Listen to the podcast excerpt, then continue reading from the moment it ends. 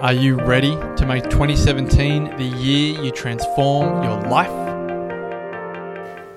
You can wait for something to happen, or you're actually going to decide to go, go home after this weekend to do something about that. We all know that we have a very, very limited amount of time on this earth. So let's not have repeated years.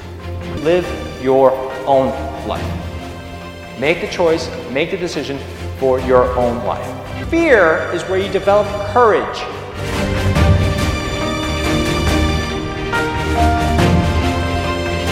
There's a moment going, holy crap, all right, I'm gonna do this now.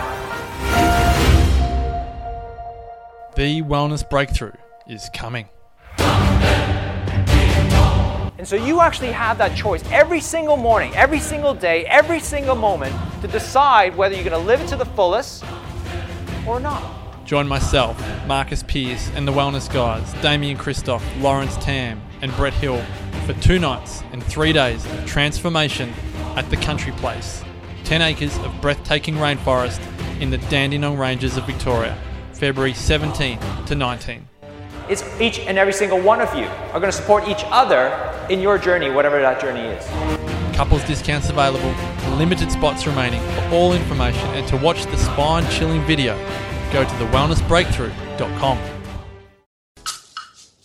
TheWellnessCouch.com, streaming wellness into your lives.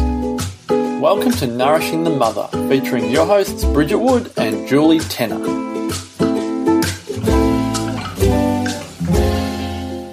Hi. So this is a little different. We've decided to jump in here with a bit of a pattern interrupt before we dive very deeply into Bridget's beautiful birth story, which is just a really one of my favorite podcasts, I think, so far.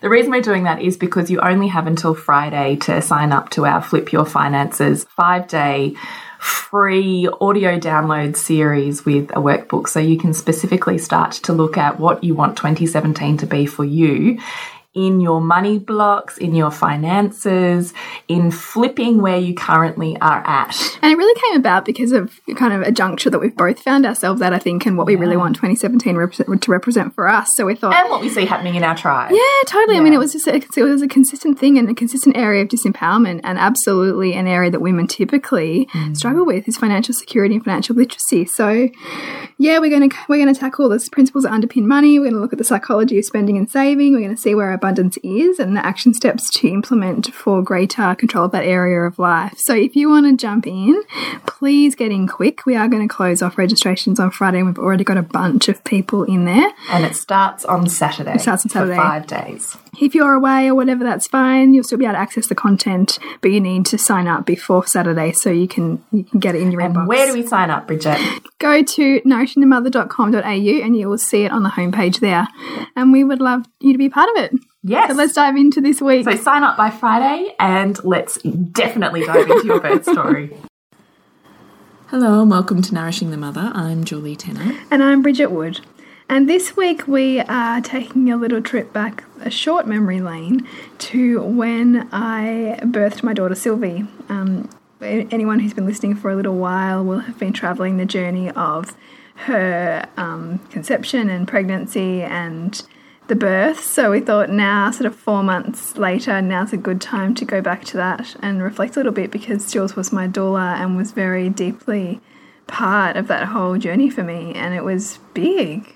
Yeah, it was really big, wasn't it? And we were trying to think about how how to uh, do this on a, a podcast mm. that's so public because ordinarily, if you've um, had a birth experience with a doula after the birth, you would have what's called a birth debrief, and you would tell your story, or I certainly have even with other clients from start to end. And it's like a timeline. So mm. we even draw a timeline on a piece of paper and we mark off the points you remember, the time, what happened, literally like a timeline. And we start to see patterns emerge. We start to see the areas where you vague out or have memory loss are signs of trauma. So they're mm. signs that you've regressed and disappeared somewhere. You're not present in this room at that moment. So then we look at what's actually happening there, what the patterns are, what the ties are, what the beliefs are, and that's essentially how a birth debrief works. Because every birth is perfect for you, mm. right? It doesn't matter how it unfolds, your birth is perfect for you. So the point of a birth debrief is to really meet that perfection and see, not even see, just feel and own ah, just that grace of even if you had what felt like a body or soul destroying experience, to come to the point of grace and seeing how that experience transformed you, how it was trying to help you heal or learn or grow. It creates such enormous gratitude for yourself that trauma no longer needs to exist because it's not a lopsided perception of something mm. being more damaging than beneficial. So, for the purpose of this, a birth debrief like that is is really personal, and we're not necessarily going to go to that level here.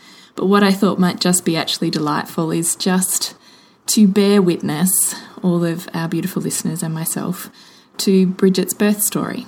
And just bearing witness to another woman's story is incredibly powerful because we get to really see and hear them. We perhaps get to feel them. Perhaps we're connected to moments of our own story through their story. Story is really powerful, it carries with it enormous wisdom. And that's the purpose of a birth story. That's the purpose of stories in general mm. to share and transcend wisdom and hand it down. Mm. So I think that's kind of the purpose of what we're going to do today is just to sit back or walk or clean mindlessly whatever you're doing right now and just be immersed in another woman's story the witnessing of of herself um, and I would really invite you, Bridget, when you're talking about your birth story, to not skim over. It needs to be intricate and detailed. It needs to be a solid timeline. So if there's bits you go, oh, you know, I was doing this and then, I don't know, it's probably 10 a.m. Well, probably labour didn't really start till about 3 p.m. We actually want to know what happened between 10 a.m. and 3 I'm p.m. gonna need some little prompts from you. So, the purpose of a birth story is really to sink very deeply with your body in the feeling and the emotion, and to actually just allow those waves or rises to come up as they do or don't. Hmm. Perhaps there's surges of darker emotions, anger or discomfort or um, frustration to actually give your body the chance to rebirth this story has the opportunity to be immensely healing for you as well. yeah, I bet. Yeah, I mean, I'm already back there, right? Like, I can still rem- remember so much in my body what it felt like the Friday afternoon that I got out of my car. I'd went and picked up. We have um, Jules and I go to a farm each Friday and pick up veggies, like organic veggies from a from a farm, and we and we split them up and weigh them and all that kind of stuff. And I was 39 weeks pregnant, and it was a Friday, and it was hot. I feel like it was a hot yeah, I day feel like it was hot too. and and I'd just been holding it all together. Like I, I was kind of in very much in my doing mode, and I had Hugo in the back, and we pulled up at your house, and I was just kind of kind of going to run in and run out because I knew I had to go home, cook dinner, and you know do all that evening stuff. And then you like looked at me, and you're like, "Are you okay?" And I and I was just and I wasn't, you know, I wasn't okay. I was feeling really um, overwhelmed, a bit scared By what?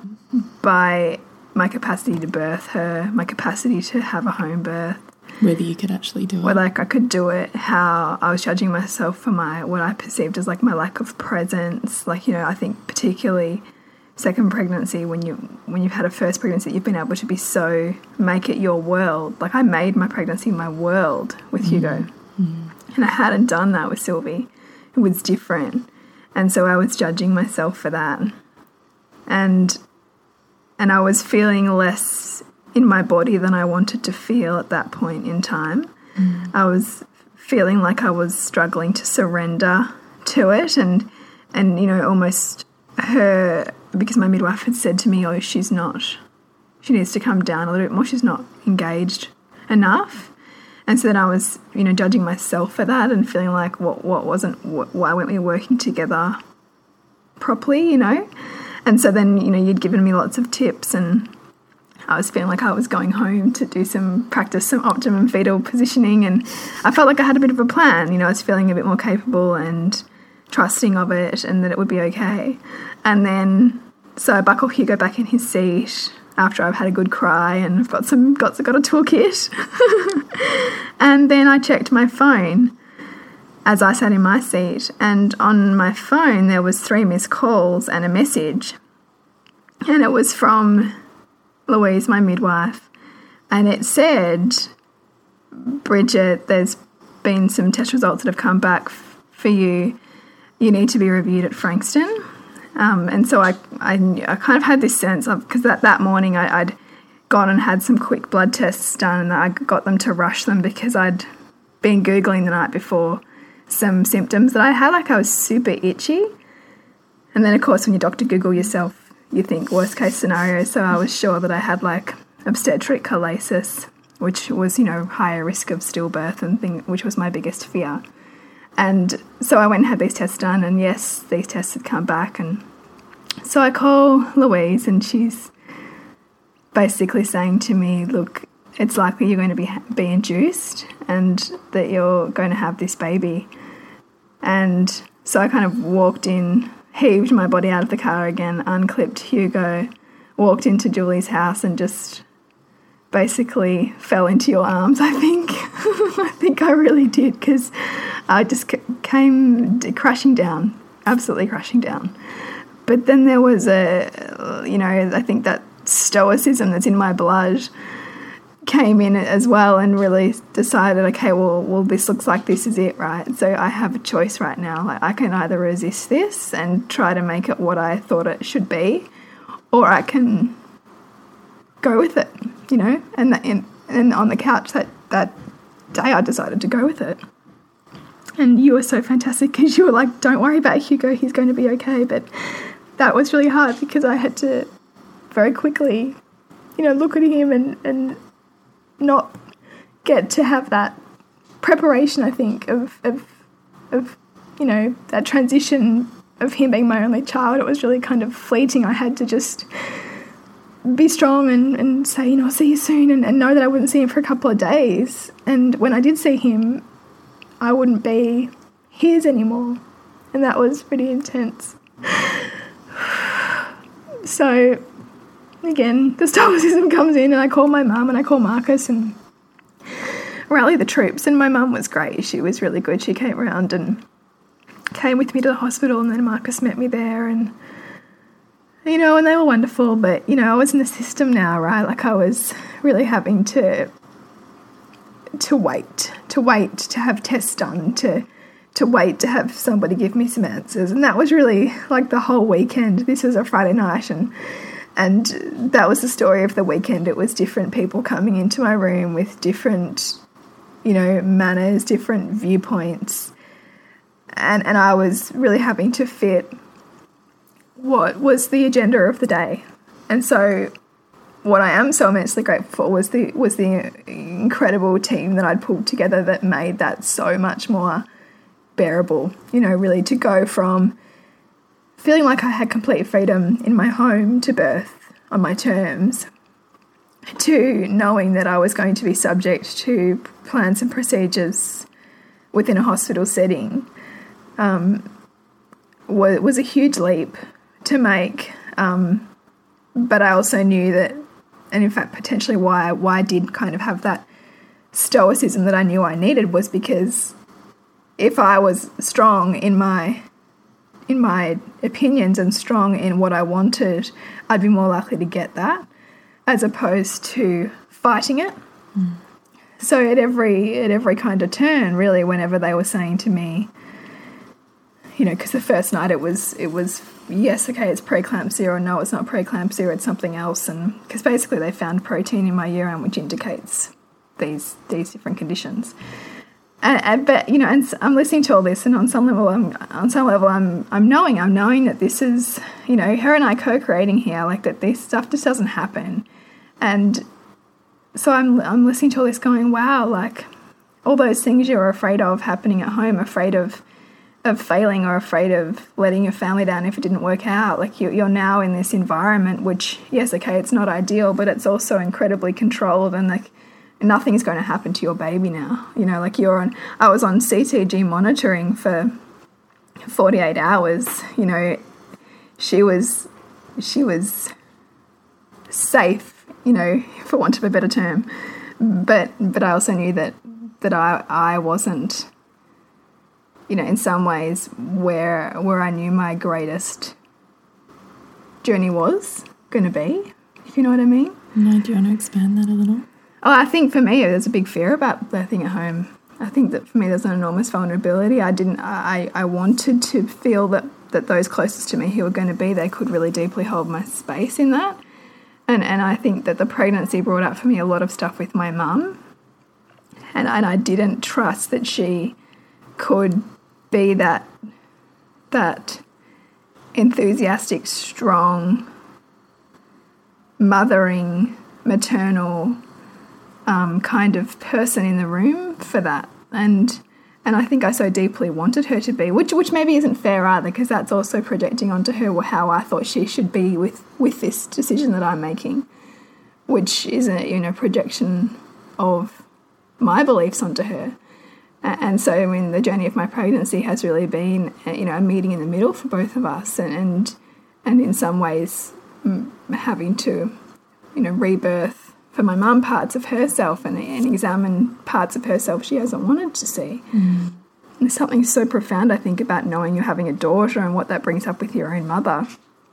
Whereas I totally can see, you know, even illnesses I had in my pregnancy that that was was me, you know, struggling with speaking speaking my voice mm. um, and standing in, in my kind of own truth. So anyway, I'll get back getting back to the chronological timeline.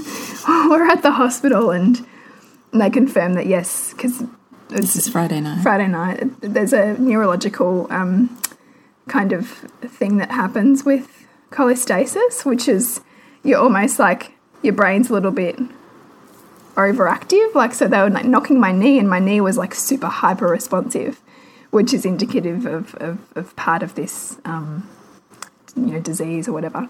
So they were quite onto that. And so they then said, look, yeah, you're not going to be able to go home. We are going to have to keep an eye on you. And, you know, policy is that after 37 weeks with this condition, we induce which you know I, I really get and I respect that that's the system and, and and so I handed myself over to that and so the Friday night you know I'm there. I've got no other clothes. It's been a hot day. I'm in sweaty disgusting clothes.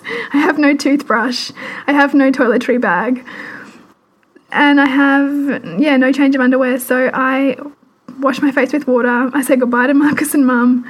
And I go to bed in a really plastic sounding hospital bed with neon lights and a stranger in the room. And that was my first night in hospital, knowing that I'm about to have my baby either to, either the day after or the day after that. So how are you feeling at the time? Um, I'm feeling pretty shit. like I'm feeling pretty shit. But then I'm also knowing that, I, that that that I've stepped into this. Like this is a chance for me to to to rise. Like I, I was very keenly aware that that it was yes okay to feel how I was feeling, but also that that this was a challenge for me that I wanted to say yes to, and that I needed to say yes to for my baby. Mm. You know, and that I knew so much how my how my emotional situation was was going to be affecting her, how my beliefs were going to be affecting her, and so I really decided to be, you know, strong then and and and lean into it. So, you know, and I, I've roughed it, you know, I've roughed it and, you know, so I knew that this is another form of roughing it. Um, not quite the form that I wanted a heavily pregnant woman to rough it, but, you know, it could, you know, I, I dealt with worse in South America, for example. So, so I went to sleep that night and I had a shitty, shitty sleep. And the next morning, um, we kind of called in the birth team and I had Louise, my midwife, come in and Jules just walked in at 9 a.m. Marcus was in there, and you just swanned in and you said to me, You're like, All right, well, it looks like we're having this baby. So, I don't know, what did you say? We're having this baby today, and you just brought your air of enthusiasm and lightness and transformed the room and the space and you brought presents and you were just amazing and that that was like that was a key transition point of knowing that it was going to be okay like yes it wasn't what we had planned but it was still going to be okay and we could make it what we wanted to make it and that was just like profound so thank you because that was big that was really big because that was more encouragement for me to know that yes, we're in this system. Yes, we we don't have as many options as what we thought we had, but we still have options, and there is still there is still an opportunity to do it on my terms. Mm. And I really took that with me. I took that with me with with the conversations that I was having with doctors, with the questions that I was asking, um, and with the confidence to not feel like I was infringing on anybody by asking those questions or decorating the room the way we decorated it or having the loud, fun conversations that we were having. Um, because there is such a tendency to subordinate in those systems to the system and to the doctors and all of those things. So it was a big process of the way of waiting that day, and and I knew that anything that I could do to help her along would be good, um, and to really help my cervix dilate and avoid as much of the of the artificial induction that I needed. So I got my acupuncturist to come in. So I had acupuncture in hospital, which was just fantastic. I completely zoned out mm. um, and really got very deep into that. And she also gave me um, some NLP stuff to listen to, which which was awesome, which I was working on to visualize my cervix opening. Um, that afternoon it was beautiful and sunny, so I took a little bit of a walk.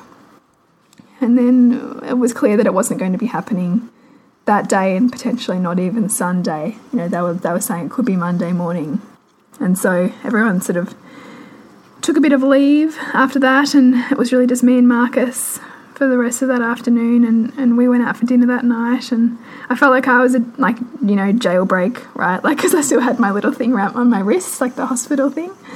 And so we went out for dinner and came How was back. that afternoon with you and Marcus? It was nice. It was nice, but it was still very practical. You know, there was not a lot of.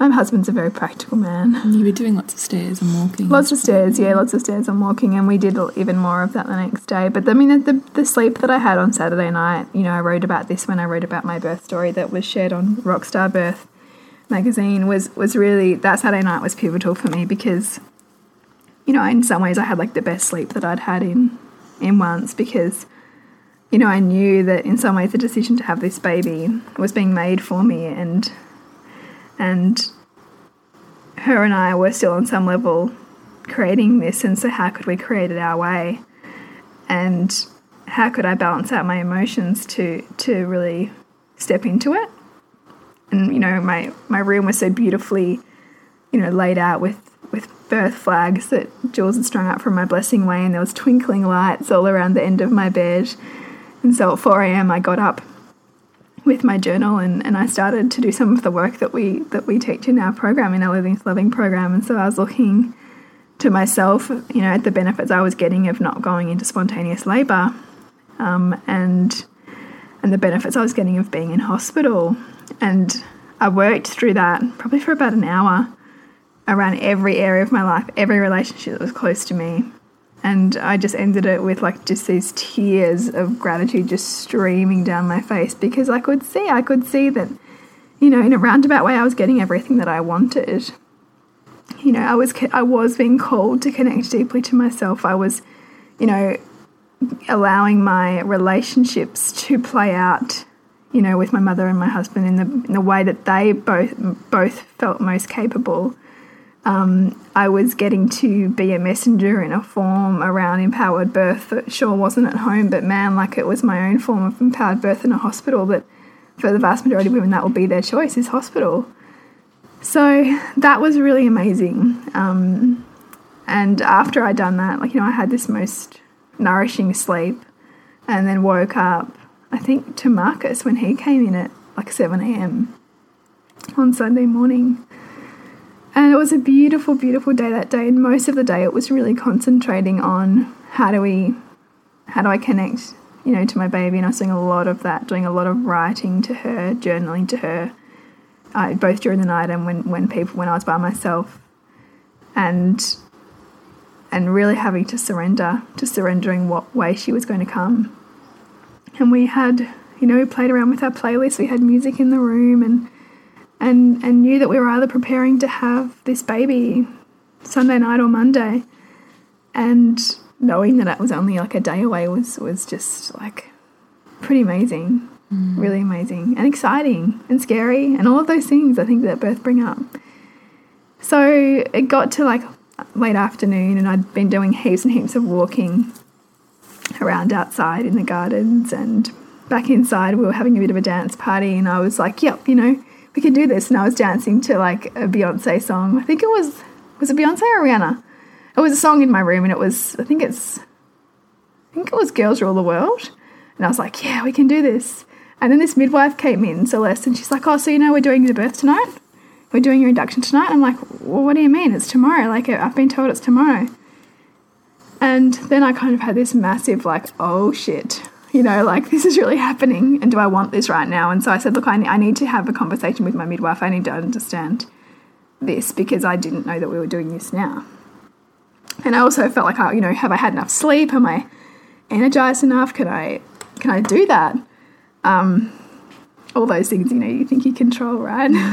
and and Louise had made some great points that it was a really good idea to do it at night because you know, during the day, hospitals are a business, you know, and they and they they, they are run most efficiently and have always focused on efficiency during the day. Whereas at night, you might get better get get a bit more flexibility. It'll be quieter, and I liked that. I liked the fact there'd be less people around and it could feel a little bit more like home. And so we got we Jules and Marcus were fantastic and moved all my beautiful birth stuff into the delivery suite. You know, the flags were up and the lighting was dimmed and the music was there and at about seven o'clock my waters were broken on the bed and we turned up the music How was your waters breaking for you? it was like intense because I'd I'd never with Hugo hadn't felt my waters break and so when they did that it was Talk us through the feeling of that. I don't even know if I can remember the feeling of that because I probably numbed that feeling out um, Just the experience of, okay, Bridget, hop on the bed, mm. what you were feeling, what you remember happening. I think I was feeling a bit afraid.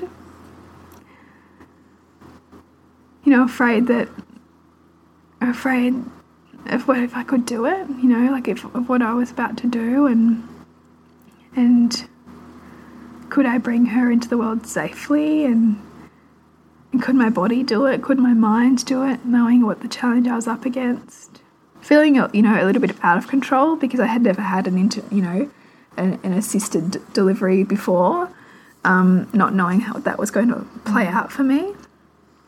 But in some ways, knowing that I had a level of control, having because I negotiated to have a bit of a break between the induction with the with them breaking my waters and them actually putting me on a Syntocinon drip. I'd negotiated to have a two hour window, so I knew that that was my two hours. That was my two hours and, and our birth team's two hours to really settle into it. Um, and you know, we really planned to have like a dance party in that time, which was which we did, and which was incredible um, because I really got to f- get into my body. So let's just come back to the waters breaking. So you're lying on the bed, you're feeling mm. fearful and scared. What's mm. going through your head? Who's around you? Yeah, so everyone, I think, I think people were, had their hands on me as as the, that procedure was done, and I remember feeling quite cold and I think just nervous, nervous lying in that bed. And Marcus and Mum were there. Were you all kind of had your hands on me or something when that was happening? Do you yeah, recall? I was holding your hand at that time. You're holding my hand, And we were just doing breathing. And I we're was breathing. talking you through relaxing. But it's interesting you don't remember it. Yeah, I don't really remember it. This is the thing we're talking about with trauma is that that exact experience will have happened somewhere else for you, likely in your sexual history. Mm. And it's it's a mm, transportation, if you like. Like it's a numbing. a vaguing out. It's not safe to be right here, so I'll just be somewhere else. It's big stuff, isn't it? Mm, it would be interesting to look at that and where that that same feeling has existed for you before. Mm. Yeah. Yeah, I don't I don't doubt that. I don't doubt that pattern playing out. So I remember after that after my waters were broken and just feeling that surge of energy like as the waters gushed out. And I then kind of got up and I think it left water everywhere. Did it leave water everywhere? Do you recall what happened then? I don't think that it did. I think that probably your feeling of it was. Yeah, I mean, it always. Mm. feels like a lot of water coming out. And I think it? because I never had a conscious feeling of that with Hugo, it, it felt very much like that. yeah. and and then I really re- remember uh, feeling excited after that because I knew it was starting, you know, and I knew that that that I had a level of influence now about what happened next. And I and I liked the feeling of being somewhat in control then because I I knew that I knew that I could do things with my body and my mind then to help her. To help her along.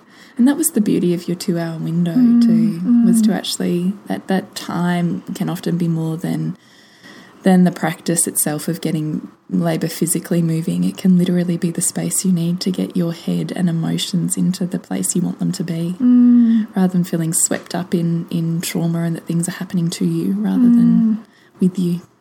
Yeah, it was a really awesome time, and I can mm. really put myself in that. I felt very in my body, I felt very confident in my space. There was a lot of joviality, like in the mm. room, like the, the hospital staff were really fun and they were into into the whole thing we were doing, which was just listening to a really super fun playlist and and you know as as I was dancing and as I was really focusing on my body and connecting with her and and everyone in the room, I could really feel the contractions intensify and I could feel my body doing the work. Phil could feel her doing the work and, and mm-hmm. really moving with the music was so, so empowering and, you know, in some ways like quite nourishing for me to mm-hmm. to take that energy that was being created within me and, and move it through my body and out in quite an intentional way mm-hmm. and stay as active as possible in that and and and that was really how it went for like the next i guess for that two hour period it was a really you know i had had moments where the contractions got more intense and certainly i think having my waters broken like that mm, you know and knowing what i was what was coming up made them feel more intense. Um, there were times when i had to take a lot of pause and you know i'd sit on a fit ball and really kind of breathe into it you know, and I'm so grateful because I have photographs of, of this time. It takes me back to that. It takes it transports me mm. into that space, and you know, seeing how Marcus was able to come into my space and be really supportive and nurturing is beautiful to me too. To mm. witness that, and so then you know, then I knew I knew it was coming. I knew that they would want to induce me with the drip, and and at that point I, ha- I had I had a lot of discomfort come up and, and fear because I knew that they wanted to they'd said to me and I don't think I'd realised this earlier but that they wanted me to not be really to move far from the bed so I could no longer move around like I had been doing I could no longer have the floor mm. you know to move my body Because you were strapped to machines, really, because as soon as you have the drip, you've got to have the monitoring. Yeah, I had to have the monitoring so around two my belts, belly. two cords there. Plus, you've got your drip cord and pole. You're and we put a and we put a little hook in her a scalp clip on Yeah. her head. So that was I had like a cord hanging out. What was essentially my vagina from that point Yeah. onwards too. Um, and that felt really constraining to be in that position. And and I could feel like when I had to lay down for that because I had had another vaginal exam when I had to lay down for that that was did I just skip a bit I had a vaginal exam after I after they put me on the drip didn't they didn't I Um, I actually can't remember if it was before or after the drip, but it was Yeah, definitely was- before. They have to do it before the scalp clip because they have to assess your scalp clip, suitability. yeah. and that was that was a dark moment because I could see my I could I could sense that I was laying down on that bed and I didn't want to get up. I didn't want to get up anymore. And and it took a lot of effort, like a mental effort, to go no no, like you have to, like you can't get out of this right now, like this is happening. Um, and so I got up then, and you know we moved the fit ball onto the bed, and I, and I just had to move through it, and, and and that was when, for me, the visualizations were so incredibly powerful. You know, the visualizations of of a contraction as a as an energy that moved through my body that I could manipulate was was really what got me through that because I, I sensed at the time that the contractions were coming together much more quickly than I almost like would handle because they were artificial, you know, they were artificially induced. They were coming together more closely, and that there was you know some moments where I could really feel my mind talk going into pain and resistance and you know that animal in me wanting to run. Mm. A- and then also consciously thinking no no no no it's a choice what you decide to make this. So you can instead see it as an energy you know visualize it. So i would visualize it as like a wave that would like spiral you know from like like a pyramid like pointy at the top and spiraling till it got wider and wider and then just petering out through me. And that was really really a freedom for me i think a sense of freedom. And that went on for oh gosh it felt like ages. And and then i could see like i looked you know you really when you're birthing you really look to the people around you in the room and for their reassurance. And at one point i looked to my mum and she just looked terrified. Like she was mm. really in it. She was she was in it with me and and I knew that I, I couldn't I couldn't look at her for too long because it wasn't a source of encouragement for me. It was it was made me feel like I was almost uns, you know not safe or or uh, It's the pity party. isn't yeah it? yeah it was a bit of that. It was a bit of the her wanting seeing that she was struggling with seeing me in pain in inverted commas, but you know knowing that that pain is the process. So so then she ended up leaving because got she got quite tired, I think, and she'd said that you know she wanted to make sure she was well enough to drive and awake enough, and I I think you know I don't think she could be there any longer, which is okay, and you know part of me I think was was relieved because I had some massive contractions just after she walked out. Which is interesting, isn't it? Yeah, yeah, because there's you know there was an element of me being unable to perhaps release some things with her in the room. So another, where are we up to? This would have been about midnight, and and then I feel like it really it started to. I mean, it didn't slow down, but but that last those final stages of of feeling her bear down were intense, and and you know, at one point I couldn't hold my body weight any longer. I just couldn't hold myself up, and I remember this happening with Hugo, where I needed to change tact, but of course I was attached to all these machines. I couldn't walk around. I couldn't feel like I could distribute my weight any other way than simply standing there with it just hanging on me. And so they found this like old birth stool from like the 1970s, at which point I sat on and said, Oh my god, this is fucking amazing, which I can still remember. and that was that was really great. And I mean, ultimately, I, st- I stayed on that stool to the point at which someone told me that she's coming, like, you know, her head's, she's beginning to crown. And uh, at that point, I kind of had Marcus behind me and you just in front of me, and then I'd, you'd helped me stand up a little bit. Jules had. Yeah, you were having. She wasn't actually crowning at that point, so the position you were in was no longer working. That's what, okay, good. Thanks for telling me that. Yeah. Yeah, yeah. Which it was a lovely position, but if your baby's in an um, abnormal position as they're moving through the birth canal and around that curve of the hip, this is the point of needing lots of different options for second stage or pushing mm. because you need to be able to flex and move your pelvis to open it in different ways because depending on where that baby's laying will depend on it's not a perfect round 10 centimeter circle. Mm. And particularly in Sylvie's case we know it wasn't because she actually had her hand up on her cheek mm. which also changes not only the shape but also the circumference. So you need lots of positions to open and move and shift your pelvis to be able to move a baby through. It's not this one position that will work in nearly every birth I've seen. Mm. So I really used that channel change to hang off you. and and that was probably one of the toughest stages, I think, which was that stage of of intense pressure and overwhelm and at the same time all my fears coming to the surface, you know, at some point I think I said, "Oh, you know, do I need an episiotomy? Like, do I need, you know, because I was mm. looking for the, sa- I was looking, for my savior. I was looking for my way mm. out. Do you remember what anybody said to you at that time? I think it was something like, you know, you know, you know, you can do this. You were saying something to me. Do you remember what it was? I think it was probably something along the lines of you don't need anybody but you, Bridgie. Yeah, yeah, You can get your baby out. Mm. yeah. It was fun. But it's so great to be able to even say that stuff to meet those fears. Hmm. Because so often, I think often I've seen women, and it was certainly my experience too, in this stage of pushing, we think we've got through the hard part of the cervix opening. And this stage can be such a shock It's such wild, big feelings. Hmm. And it's literally, literally kind of the, the door that has to open before you're a mum. Yeah. So Yeah, there's the massive. Of your body trying to keep you safe, trying to keep your baby safe, Mm. makes pushing in a really, um, I don't know what the word is, just intricate time for Mm. most women. That metaphorical perspective of, of that exact thing is profound, and I absolutely know that that was my experience with my first birth. You know, because I, I had an episiotomy.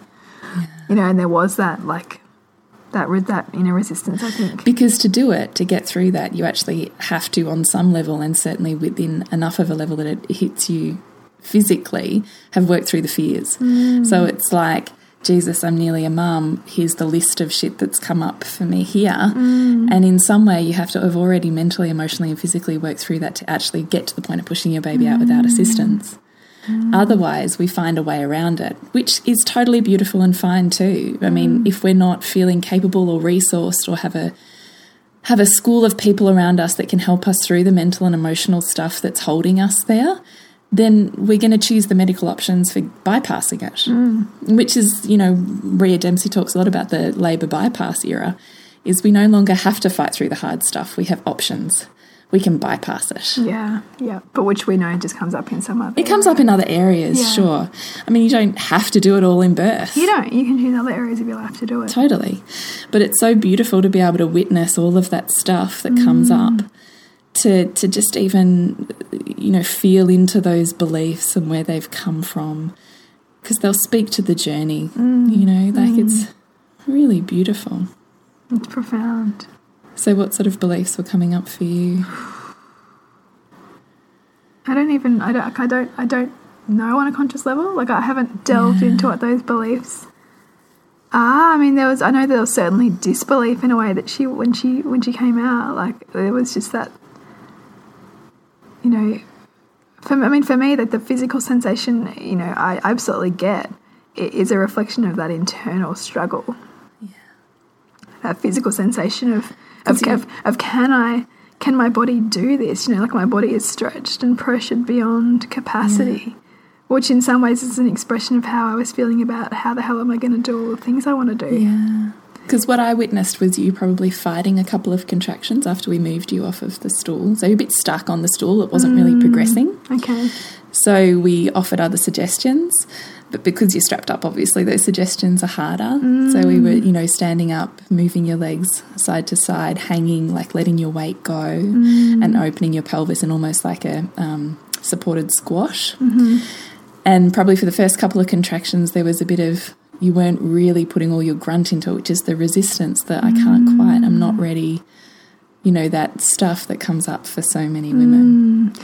And I then something happened. Mm. Something And happened. On that third one, you just went right into it, and it was like the lion roared. Mm. And the power is what I remember. Mm. I do remember that resistance point, which was which was the which was the part of me that felt like I couldn't do it, or or, or do I have it in me, and and do I want to do it? You know, that, that desire to escape it. Yeah. Um, and, and then I think that the shift came when when I was becoming aware of the behaviour. You know, not not quite knowing what it meant, but becoming aware of where my thinking was going. Where your head was at. Yeah, and knowing that I that I have to choose this, and knowing that it's the only way, and I think really finding my voice in that because that was powerful. I do remember that. It's huge internal work. Mm. and then and that, I think for me being able to because even like reaching down to feel her like I hadn't really done that when Hugo's birth and and just taking charge like that was powerful to and to see that that no one else was going to save me like that, that that they weren't waiting in the wings trying to cut me open you know like it was up to me was was was more empowering than it was scary at that point. Mm. And that gave me I think just the energy that I needed. And so then with, then at that point I think there was some huge like powerful you know animalistic sounds to get her out and to help her through. It was just the lioness. I was just like, oh, she's found her power. you just lent, not even lent, you just dove right into it, and you could just tell everything mind, body, soul, everything was in alignment in that moment. And I think I just at that point, and I could. All there's like a zillion photos of this of this stage of labour actually of, of her of her coming, of her coming, and just that glimpse of her like that I felt was just all that I needed. I think then to to believe that I could then help her the rest of the way, mm. and it was the power and that was so intense. And and then you know I could I like leant down to help what could you feel? I could just feel like just her slipperiness and her like beautiful form coming into my hands. It was just so beautiful. And I think also so incredibly empowering because I was doing it. You know, I was, no mm. one else had to It's totally you. yeah, like you know, I think with Hugo's birth, I was lying on a bed, you know, and I think because in this moment I was upright, I was active, I was. It was me and her working, Yeah. and and that was just incredible.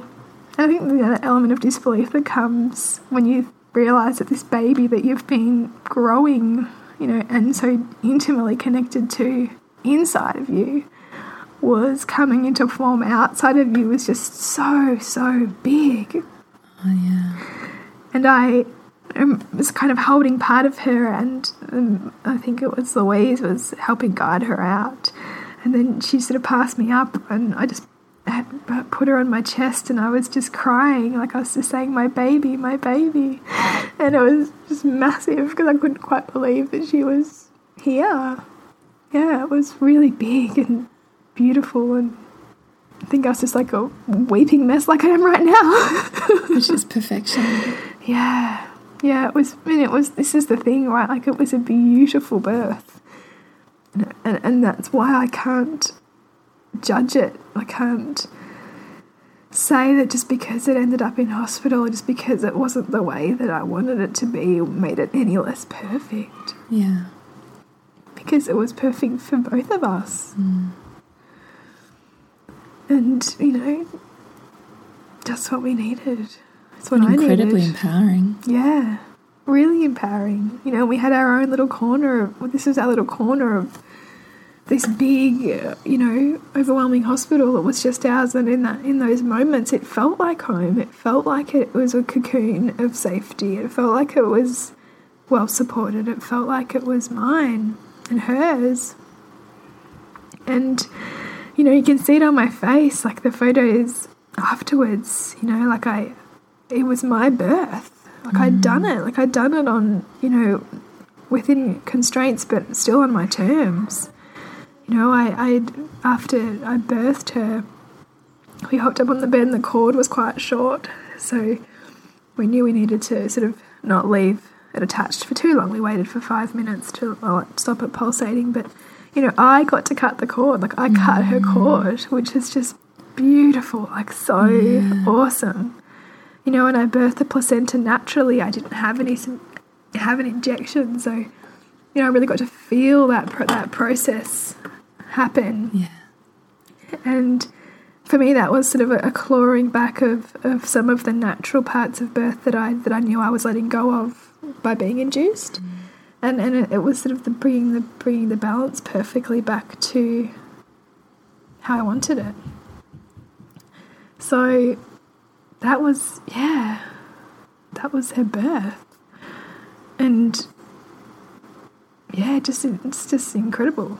Birth is incredible. How has it changed you? I think it's softened me in a way because it softened me to see that to soften the some of the rigid edges or some some of the the black and white thinking, some of the the value judgments on on what's you know my right or wrong that I might live by. By really seeing that you can make you can make a blessing out of a challenge. Um, and that, and that so much of life is, you know, either an attitude or an ordeal, depending on how we look at it.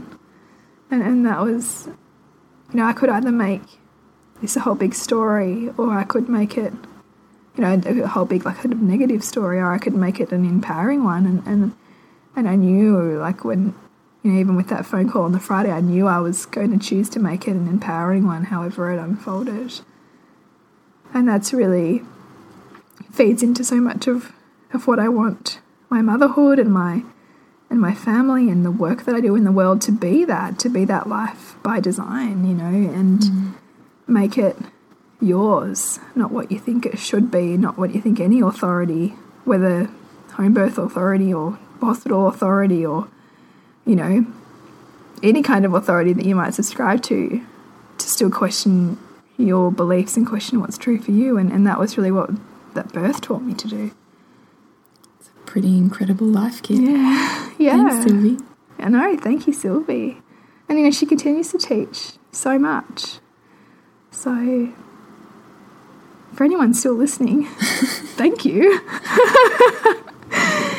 Because um, it's big stuff. Birth is really big, and I don't know how much we really give credence to just how big it is and just how much, you know, space and time we might need for processing around it. You know, I didn't know a lot of these feelings were there. Mm. How transformational it is for the woman. Yeah. It's a rite of passage. Mm. It is the most ancient rite of passage. Mm. Yeah. Deep reverence and honouring. Thank you for sharing your story with us. Thank you for holding the space. And thank you for listeners for wherever you are holding your space too.